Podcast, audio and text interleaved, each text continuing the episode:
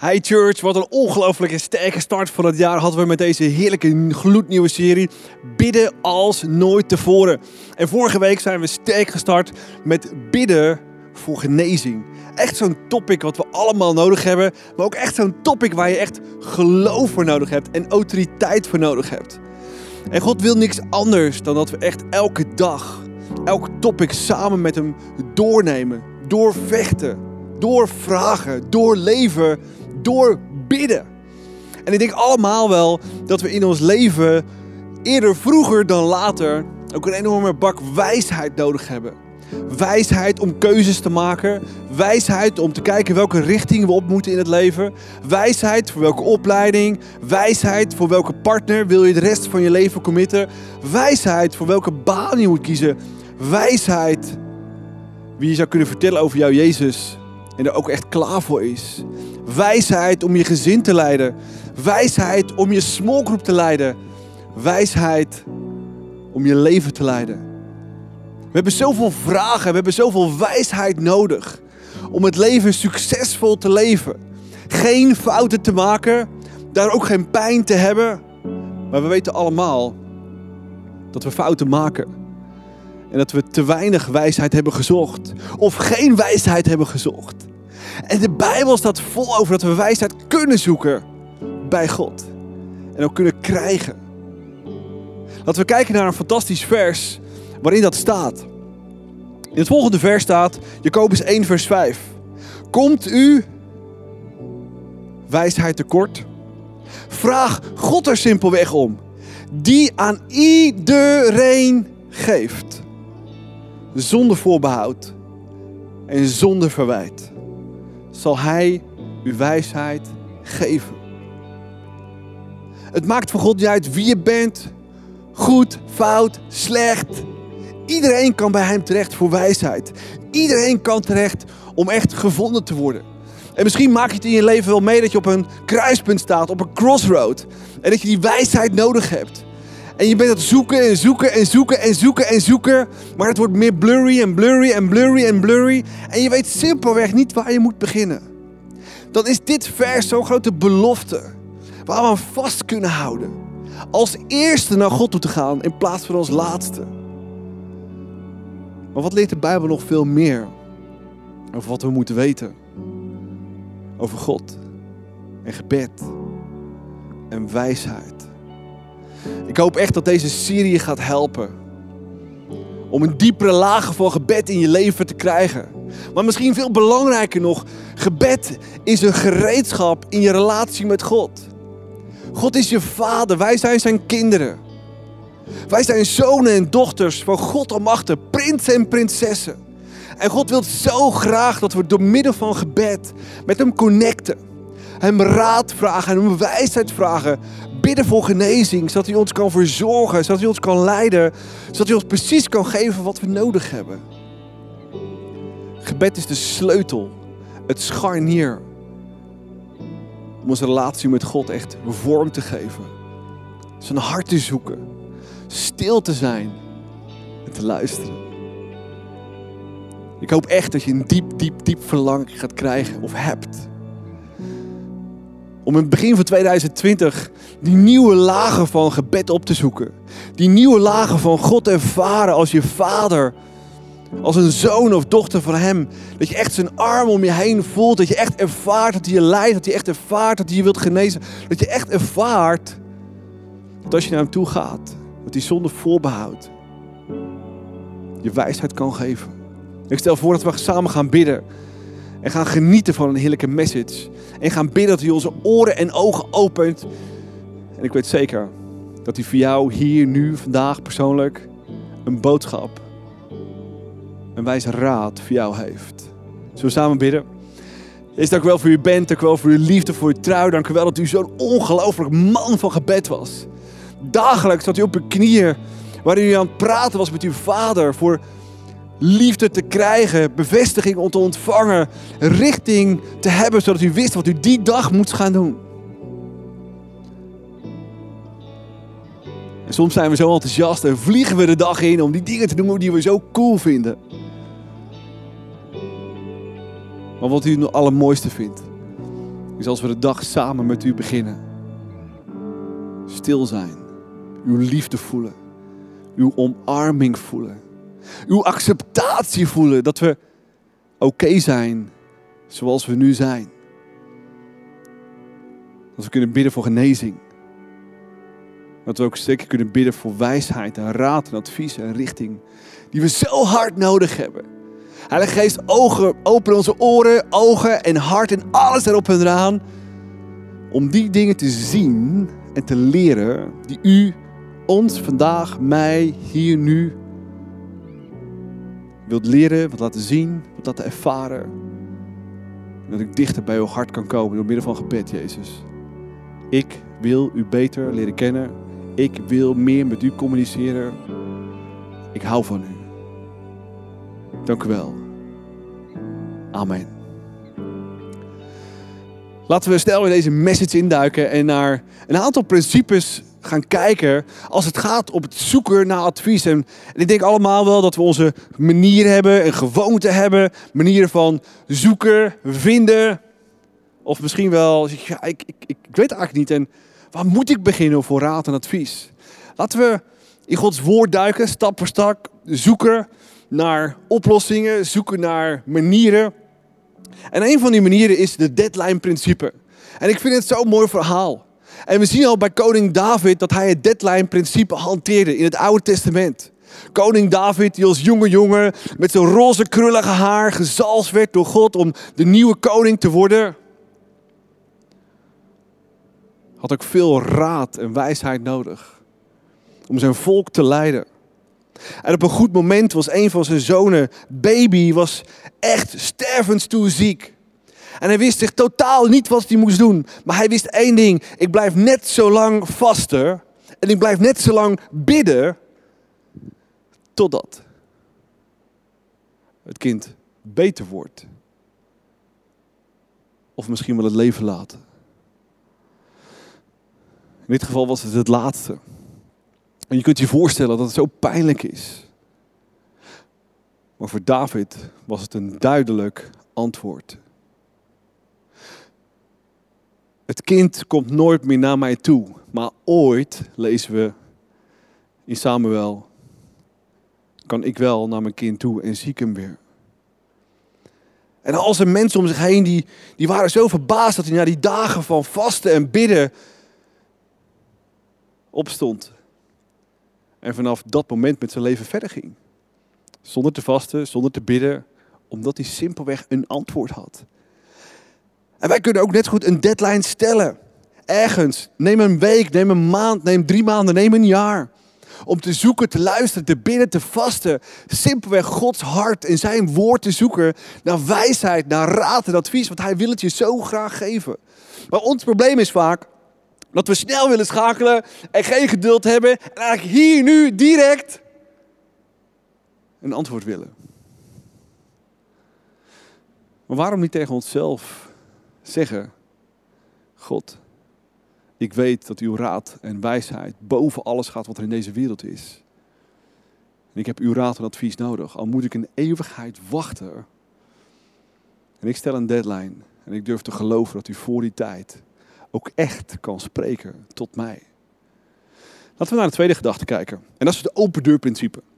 Nou, ik weet niet of je van open deuren houdt of gesloten deuren houdt. Ik hou van open deuren. Ik hou niet van gesloten deuren, voel ik me altijd een beetje opgesloten.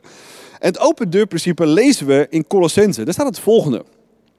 Blijf bidden en blijf daarbij waakzaam en dankbaar. Nou, ik weet niet of jij een enorm fantastisch gebedleven hebt. Of dat helemaal on fire is. Dat je ja, probeert elke keer, maar ik val terug. Probeert elke keer, val terug. Maar hier zegt Paulus dus, blijf bidden en blijf daarbij waakzaam en dankbaar. En bid dan ook voor ons, zegt Paulus. Dat God deuren voor ons opent om het mysterie van Christus te verkondigen. Nieuwe deuren om nieuwe kerken te, open, te starten. Nieuwe deuren te openen waarin we mensen over het evangelie kunnen vertellen. Waarvoor ik gevangen zit. En ik bid dat het mag onthullen zoals het moet. Paulus bidt hier dus heel specifiek voor open deuren. En waarin heel veel onmogelijkheden zijn. Onmogelijkheden zijn. Onmogelijkheden zijn in zijn tijd om over Jezus te vertellen. Die hem geraakt heeft, die hem veranderd heeft. Die, waarin hij Jezus zelf met eigen ogen gezien heeft.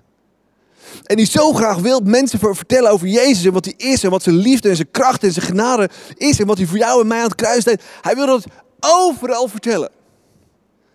Hij liep voortdurend tegen dichte deuren aan. En misschien zit je ook in een fase in je leven waarin je op zoek bent naar raad en wijsheid. Waarin deur na deur na deur na deur gesloten blijft. Misschien op zoek naar een baan. Misschien om een volgende stap te nemen met je onderneming om ook echt door te breken in 2021. Misschien zit je stak met je opleiding. Waarom niet bidden voor een open deur? God kan in het onzichtbare, als we daarvoor bidden, deuren openen, kansen creëren die we nooit hadden bedacht, die we nooit hadden verwacht, maar die wel kan doen. Dus het is ontzettend belangrijk om een hoge verwachting te hebben van onze fantastisch grote God. En dat we echt kunnen bidden voor open deuren, voor kansen, voor mogelijkheden die Hij aan het creëren is voor jou. Is zo fantastisch. En als die deur dan open gaat, wat moet je dan doen? Ja, precies. Stap er dan met je hele hebben en houden in.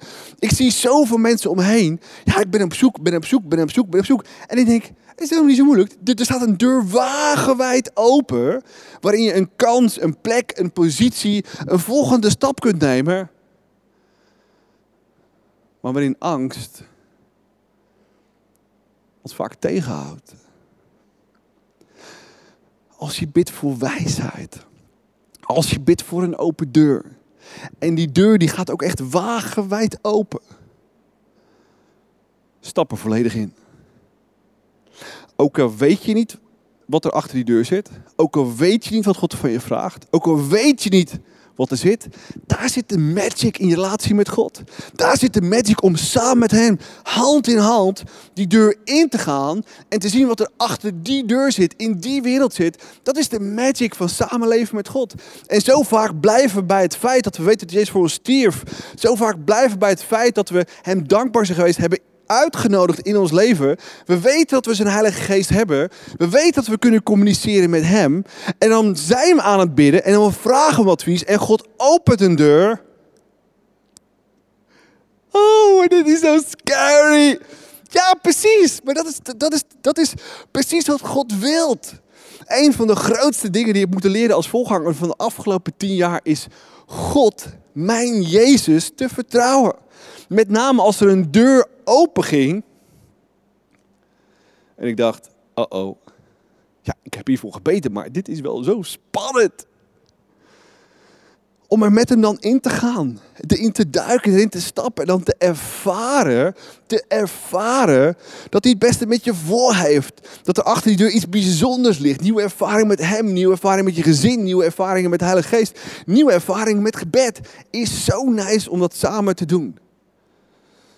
Er is één mogelijk één valkuil. Er zijn ook deuren die open gaan of staan, die niet per definitie van God zijn.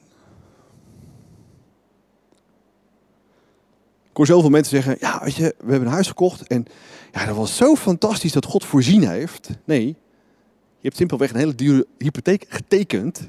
wil niet zeggen dat die van God is.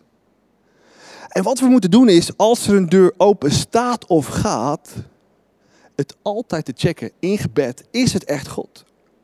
En is het in lijn van Gods woord? God zegt nooit dingen tegen jou en mij die niet in lijn zijn met zijn woord. God heeft hemel en aarde bewogen met ontzettend veel auteurs om boeken te schrijven waarin wij nu het Oude en het Nieuwe Testament hebben. Waarin we kunnen lezen wie God is, wat zijn karakter is, wat zijn principes zijn op elk gebied van het leven. En als hij tegen jou praat en een deur opent, is dat altijd in lijn van Gods woord. En daarom is het zo extreem belangrijk om zijn woord te lezen, te snappen, te begrijpen. Zijn principes voor seks en voor financiën en voor gezin en opvoeden en het geestelijke leven helemaal te snappen, te begrijpen en te doen. Dan zul je, als de deuren opengaan, weten welke deuren echt van God zijn. En welke deuren er niet van God zijn. Want er gaan ook deuren in je leven open wat pure verleiding is. Wat je puur wil aftrekken van God zelf. Wat je puur wil aftrekken van Gods woord. Wat je puur wilt aftrekken van het pure leven wat God je wilt geven. Het open deurprincipe. Laten we snel doorgaan naar de volgende. Want jullie staan natuurlijk te trappelen voor de volgende. Het derde is het stoplichtprincipe. Nou, we kennen allemaal het stoplichtprincipe. En het stoplichtprincipe is eigenlijk vrij simpel. Maar eerst het vers in Spreuken 16, vers 9. Er staat, een mens stippelt zijn weg uit. Dat doen we heel erg graag. Maar de Heer bepaalt de richting die het gaat. En het is goed om je verantwoording te nemen, te denken, te bidden, te snappen, te begrijpen en ook beslissingen te nemen. Maar God heeft een weg en een plan voor je. En we lezen in het Oude Testament in Jeremia dat God het beste met je voor heeft. Dat hij een plan voor je gesmeden heeft zelfs. Dat hij voordat je geboren werd een plan had voor jou. En God wil niets liever dan dat perfecte plan over je leven heen leggen. En dat je stap voor stap, voor stap, voor stap, voor stap, voor stap dat plan uitloopt. En dat is het meest vervullende plan voor jou. En misschien zeg je, maar dat vind ik scary. Nee, dat is de ontdekkingsreis die je samen met God hebt. Te zoeken. Zijn wil, zijn gedachten, zijn plan voor jouw leven. En daarin te staan en te blijven staan. En dat plan te lopen. En wat ik ook vaak doe is dat ik dit stoplichtprincipe gebruik. Ik vraag aan God, is het oké of niet oké? Moet ik het wel doen, moet ik het niet doen? En als het licht op groen gaat, dan gaat het licht op groen. Vrij simpel. go for it. Eh, wacht niet langer, uh, heb geen angst, uh, heb vertrouwen dat het het juiste is. Zeker als het in, in lijn is met Gods woord. En soms zijn er dingen waarin het heel lang stil blijft. Dan weet je, oh oh, het licht staat op oranje. Ik moet simpelweg wachten. Het is mogelijk het juiste ding, de juiste keuze, maar nog niet de juiste tijd. Dat vinden we lastig. Ik heb niet zo heel veel geduld. Vraag aan mijn vrouw. En ik vind het zo moeilijk om dan te wachten. Ja, maar God, het is het juiste. Ja, God, het is het juiste, maar nog niet het juiste moment. En God heeft het beste met ons voor. En soms moeten we simpelweg eerst nog groeien of nog voorbereiden of sterker worden. Om datgene in ons leven te krijgen wat Hij als volgende stap wil doen. Maar doen we dat te vroeg, dan storten we in. Is het misschien te veel? Trekken we het niet? God heeft het beste met je voor. Soms staat een stoplicht op rood. En dat betekent... Uh, is een no-go. En misschien zeg je, ja, maar het is zo leuk, het is zo cool, het is een lijn met mijn verwachtingen, het is een lijn met mijn talenten, het is een lijn met alles wat ik wil en wat ik ooit gedroomd heb. En God zegt, ja. Maar we gaan het in ieder geval niet nu doen. Dat vind ik de moeilijkste moment in mijn leven. Ik was 21 hebben het over 22 jaar geleden. Was ik op een conferentie van ICF. De eerste, allereerste conferentie van ICF in Zurich, Zwitserland. We reden erheen met mijn vriendin. Een vriendin, Mirjam, wat nu mijn vrouw is. Ehm, met twee vrienden over de Duitse autobaan. Auto van mijn broer geleend. Het sneeuwde, het ijzelde. En we gingen naar die conferentie toe de laatste avond van die conferentie vroeg een volganger: wie van deze jonge mensen wil een kerk starten? Nou, in mijn hoofd was het kortsluiting. Jonge mensen starten geen kerk. Dat doen alleen mensen met een pak aan. Hè? Ik ben begrepen meer de achtergrond. Grappig. Dat doen jonge mensen niet. Kortsluiting. In mijn hart. Explodeerde. Woe! En ik wilde naar voren lopen. Maar ik deed het niet. En dat was het juiste. Omdat God tegen me zei, Ari, dit is wat ik op je leven leg. Maar nog niet. Voor nu is het een dikke nee. Het stoplicht staat op rood. En dat was aan de ene kant zo pijnlijk, maar als ik nu terugkijk en God me in zoveel tijd, het heeft tien jaar lang geduurd voordat ik deze kerk startte, over 22 jaar geleden. Maar God zegt, ik heb hier nog zoveel te leren. En als ik nu terugkijk, heb ik zoveel leerscholen gehad in het bedrijfsleven, in posities, financiën. Het maakt niet uit wat. En zeker het laatste bedrijf waar ik leiding aan mocht geven, dacht ik, God, u bent zo ontzettend goed dat u me deze leerschool geeft, dat u me al deze ervaringen geeft. Om straks vol uw kerk te bouwen. We hebben zoveel vertrouwen nodig in God om dat te doen en te vragen en te vertrouwen. Durf Hem te vertrouwen. Laten we naar de volgende principe kijken. Het volgende principe is het 10 ideeën principe. En dit is mijn favorite. Woe! En waarom is dit mijn favorite? Kom ik zo. Eerst Jeremia, vers, uh, hoofdstuk 33. Daar staat het volgende. Roep mij aan, zegt God. En ik zal antwoorden. Soms is het zo simpel. Roep mij aan. Bel me op. En ik geef antwoord. Als ik ergens een hekel aan heb, als ik mensen bel en ik krijg een voicemail. Eh. Maar God zegt, roep mij aan, ik neem op en ik geef antwoord. Soms gelijk, soms even wachten en soms is het een nee. Ik zal je grote, wonderlijke dingen bekendmaken. Dingen die je volkomen onbekend zijn. Wat ons probleem als Nederlanders vaak is, is dat we te groot van onszelf denken en te klein van God. En dit vers zegt juist het tegenovergestelde. Dat we groot van God moeten denken en iets kleiner van onszelf.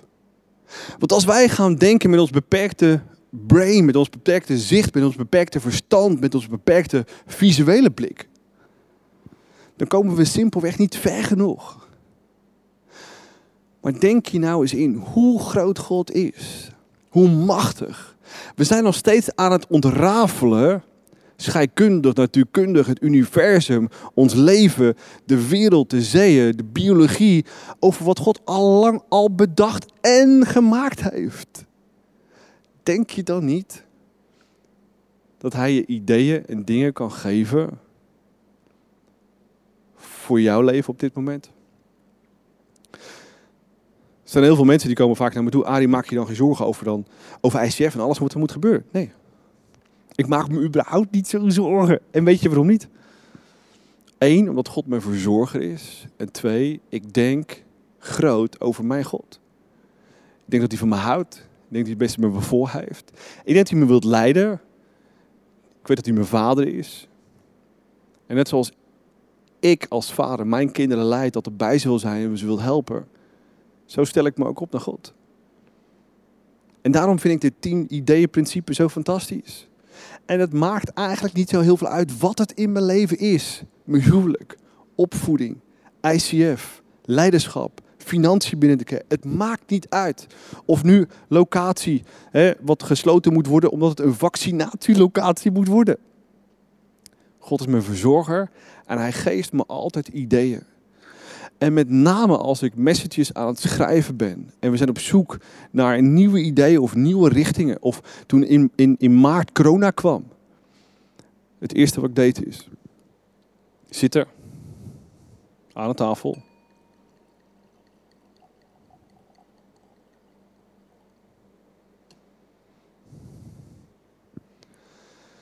Bewust zijn wie ik ben. Bewust zijn wie God is.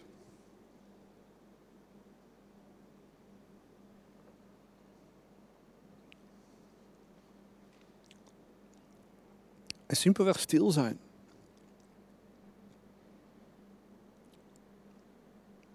En te wachten tot wat voor ideeën God mij geeft. En soms duurt het lang en soms dan begin ik te denken. Ik schrijf nooit direct wat op. Als ik begin te schrijven ben ik het altijd kwijt. heb ik al vanaf jongs af aan. Als jonge jongen, hè, dan moet je op, op, op, op school moet je van zo'n zo'n mooi verhaal gaan schrijven. Ik, ik, ik, ik blokkeerde helemaal. En ik weet nu, ik, ik wil God alle ruimte geven. Voor ideeën en dat idee en dat idee. En dan, soms dan, dan rijg ik ideeën aan elkaar en ik, ik leg het nou langs, langs Gods woord. Is, het, is het in lijn met Gods woord? Is het in lijn met de ervaringen die hij me al gegeven heeft? En, en als dat beeld steeds duidelijker wordt en steeds helderder wordt en steeds zichtbaarder wordt, dan pas begin ik dat idee en dat idee en dat idee en dat idee te schrijven. Soms is maar één idee, maar soms heb je maar één antwoord nodig voor advies of raad om echt een uitweg te vinden. En soms zijn het er meer dan tien. Maar schrijf ze stuk voor stuk voor stuk op. En eigenlijk voor elk moment in mijn leven. Het maakt niet uit wat het is.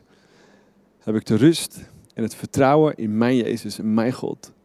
Om simpelweg te genieten, te luisteren. Hij is mijn vader, hij is mijn verzorger. En hij geeft me beelden en impressies en gevoelens die ik nodig heb om een bepaalde weg in te gaan. Een bepaald gevoel in mijn lijf te hebben wat nodig is voor, me, voor mezelf of voor mijn relatie met mijn vrouw of voor mijn relatie met mijn kerk. Als het soms taf is en moeilijk is, als je moet dealen met locaties, als je moet dealen met moeilijke situaties. Stil te zijn, te genieten. Dit is mijn God. Dit is mijn Vader. En ik bid voor wijsheid, voor impressies en voor ideeën. En ik merk met name de laatste vijf, zes jaar dat ideeën vloeien rijkelijk. Elke keer als je God zoekt. En elke keer als je God als eerste zoekt. En elke keer dat doet, dan raak je zijn hart. Want elke keer als je als eerste naar hem toe gaat. Dan wil hij graag geven. Maar ook als je als laat naar hem toe gaat en, en schroomt en, en, en, en, weinig vertrouwen hebt. Dan heeft het voor God ook weinig zin om te spreken. Hij wil graag spreken. Maar het is vol vertrouwen en groot geloof. Om je dat te geven wat je nodig hebt. En hoe vaak je dat gaat doen, des te meer Gods ideeën en gedachten gaan stromen. En als je Gods woord in je broekzak hebt, dan versterkt dat elkaar. En maakt keuzes maken ook zoveel makkelijker om te doen. Ik hoop dat deze stap je kunt helpen om het juiste raad en advies te hebben. Laten we kijken naar de volgende gedachte. De volgende gedachte is het vrienden om raad vragen principe. Nou, dit vraagt soms ook een beetje moed. Het eerste wat Adam als cadeau kreeg, was Eva. God zegt, je hebt een helper nodig. Je kunt het niet alleen. Nou, of nou een vrouw of man of vrienden of vaders of moeders of... Het maakt niet uit wat. God geeft de mensen om je heen als raadgevers. En we lezen dat in Spreuken, een van mijn favoriete versen. Een dwaas denkt dat hij de juiste weg gaat. Ik weet het wel. Ik heb God niet nodig. Ik heb zijn Bijbel niet nodig. Ik heb zijn woord niet nodig. Ik heb Gods Heilige Geest niet nodig. En ik heb ook geen raad en advies van vrienden nodig.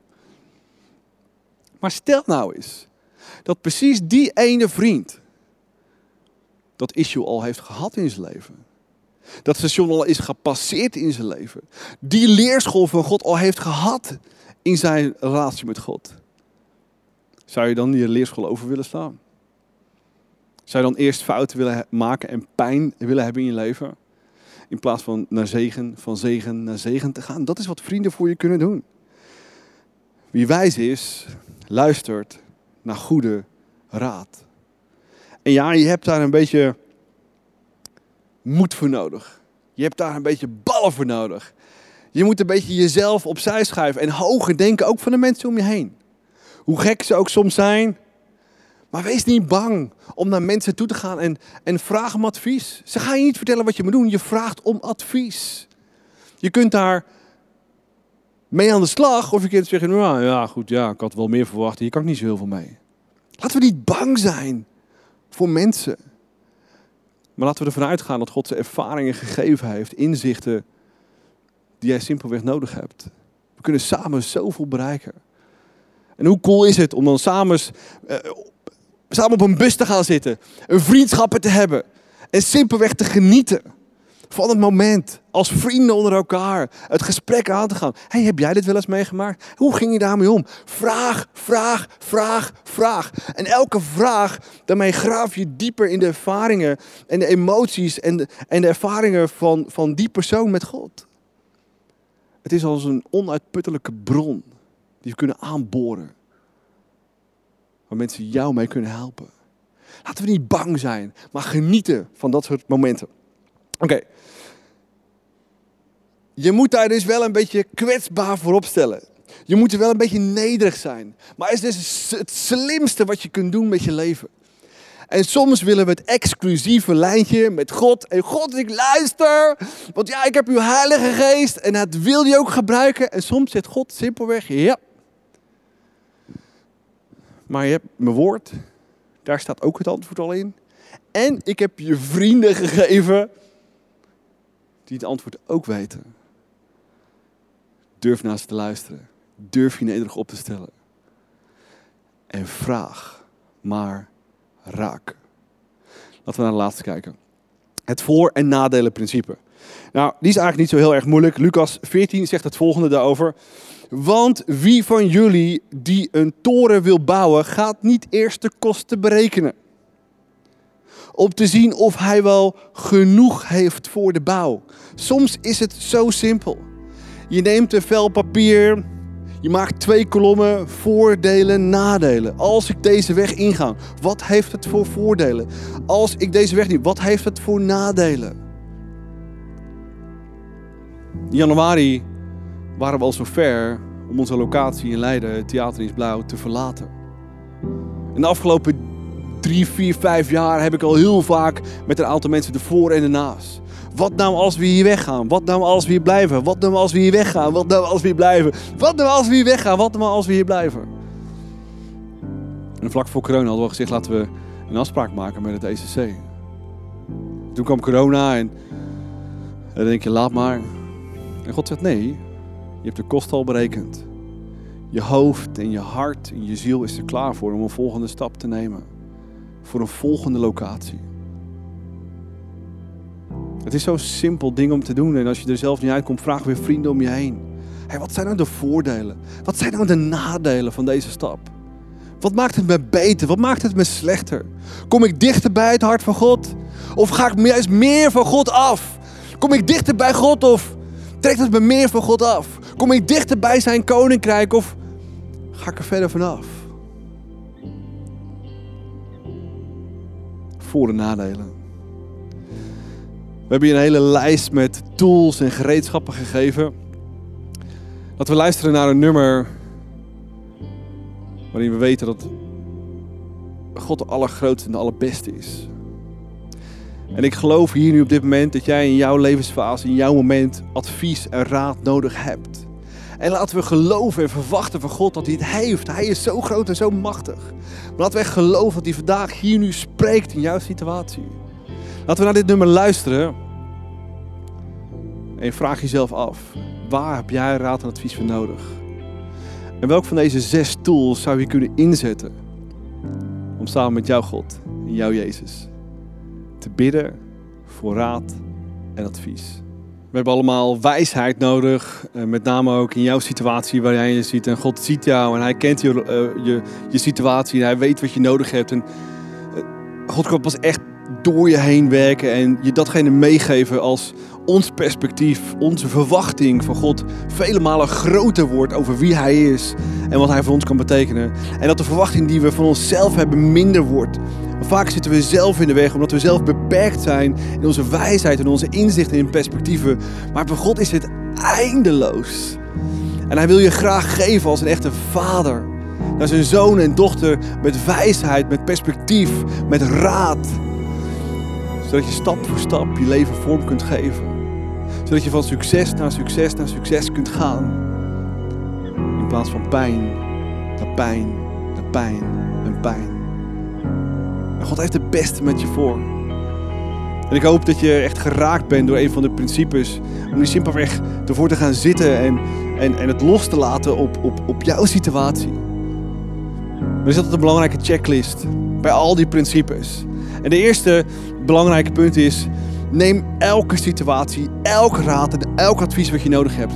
Marineer het in gebed. Breng het allemaal bij Hem. Breng het bij Hem. Breng het bij Hem. Luister, luister, luister en luister. En het tweede is: spiegel het altijd aan Gods woord. Alles wat God tegen jou zegt is altijd in lijn met Gods woord. God zal nooit zichzelf tegenspreken, maar altijd hetzelfde doen. God is, blijft en gelukkig voor eeuwig dezelfde. Wat hij 4, 5, 6, 6000 jaar geleden bedacht heeft. En de principes die toen zo werkten, die werken nog steeds. Daarom is de Bijbel geen oud boek. Je kunt het als een oud boek zien. En een verrot leven hebben. Maar in principes zijn altijd nieuw en vernieuwend. En als je die toepast in je leven, ervaar je dat je ook echt een nieuw en verfrissend leven zult hebben. Het gaat altijd weer om principes die we nodig hebben. En laten we echt die principes toepassen. Dat we echt alles in gebed marineren. Dat we echt alles bij hem brengen en spiegelen aan Gods woord. En de laatste is extreem belangrijk. Omstandigheden. Gods kerk in Europa en in Nederland is nog nooit zo leeg geweest in de geschiedenis van de mensheid. En alles wat God van jou vraagt, zal hij altijd dichter bij zijn koninkrijk, bij zijn kerk brengen. En hij zal je altijd aanmoedigen daarin te investeren, groter in te groeien, meer verantwoording in te nemen, in plaats van minder en verder van zijn koninkrijk en van zijn kerk af. Jezus, lezen we het Nieuwe Testament, bouwt zijn kerk. Het enige wat Jezus elke dag doet is zijn kerk bouwen. Woe! Dat is waar al zijn tijd, al zijn energie, al zijn aandacht, al zijn liefde naartoe gaat. Bij zijn kerk en de mensen die daar zijn en het bouwen. Laat je nooit wijsmaken dat een keuze, of God je laat zien, als het ervoor zorgt dat je verder van zijn kerk en zijn koninkrijk afkomt, maar dichterbij het bouwen van je eigen koninkrijk komt, dat het van God is. Onze eigen koninkrijk is zo beperkt tot dit leven. Maar Gods koninkrijk bestaat voor eeuwig. En God heeft het beste met je voor. Hij wil dat je een happy leven hebt. Hij wil dat je gaven, talenten, energie, raad en advies geven om een happy leven te leiden. Zijn kerk te bouwen, vervullend leven te hebben. En dat alles vind je bij God zelf, in gebed. Zijn woord te lezen, zijn koninkrijk te bouwen. Dan heb je alles wat je nodig hebt. Zullen we samen bidden? Wees dank wel voor uw bent, dank wel voor uw liefde, voor uw trouw. Dank wel dat u een held was om te bidden. En ons daarin te leren en uw discipelen ook mee te nemen hoe te bidden, waarvoor te bidden. En willen u daarvoor danken. En hier nu op dit moment heb ik raad en advies nodig. En ik wil graag met een van die principes aan de slag. Om echt te ervaren dat u mij raad geeft. Dat u ervaren bent. Dat ik alles kan doornemen en kan marineren in gebed. En alles kan doorvechten samen met u. Ik wil alles in mijn leven eerst met u bespreken. Spiegelen aan uw woord. Voordat ik een keuze maak. En dan weet ik dat als ik geluisterd heb naar u, dat als ik geluisterd heb naar uw woord, dat als ik geluisterd heb naar goddelijke vrienden, ik met vertrouwen grote en kleine keuzes kan maken. Die mijn leven geven in overvloed. Die me dichter bij u brengen. Die me dichter bij de mensen brengen waar ik zo van hou. Die me dichter brengen bij uw koninkrijk en uw kerk die u bouwt. Mensen. Dank u wel dat u bij me bent. En dank u wel dat u deze week tegen mij gaat spreken dat u mij raad en advies gaat geven. Als ik het van u verwacht, stil ben, luister en doe. Dank u wel. Amen.